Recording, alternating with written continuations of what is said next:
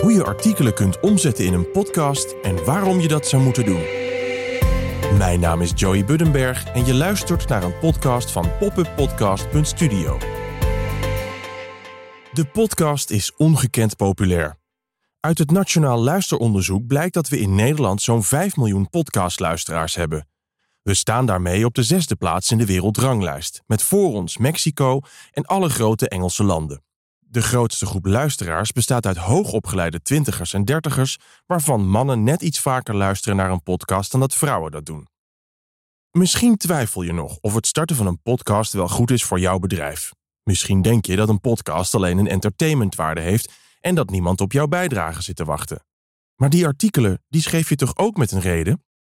Je kunt jouw geschreven artikelen omzetten in podcastafleveringen waar je luisteraars naar kunnen luisteren terwijl ze bijvoorbeeld naar hun werk rijden, tijdens het uitlaten van de hond, tijdens het sporten, vrijwel altijd en overal. Nog steeds niet overtuigd waarom je jouw artikelen zou moeten omzetten in een podcast? Blijf dan vooral luisteren. Waarom zou je je artikelen omzetten in een podcast? Het brengt een aantal voordelen met zich mee voor de marketing van jouw bedrijf. Iedereen heeft zijn eigen manier om content te consumeren. Sommige mensen lezen graag, anderen kijken liever naar video's en weer anderen luisteren graag.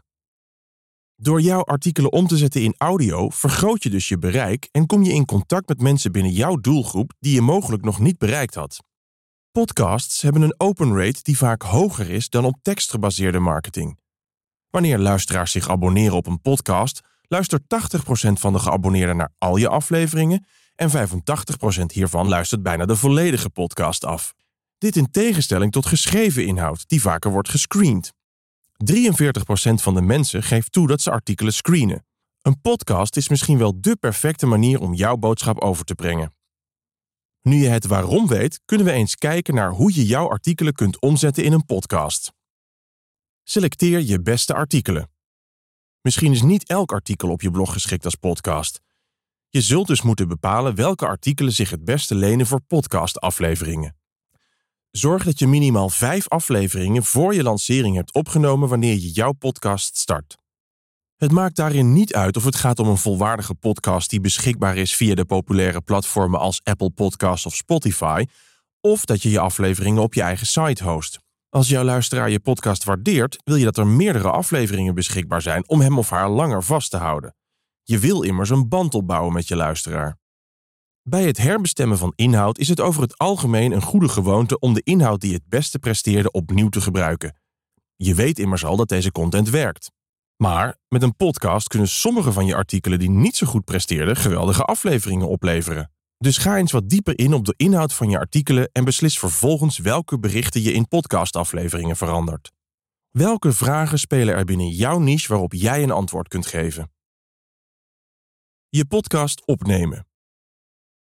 Je kunt eenvoudig enkele van je beste artikelen zelf voorlezen.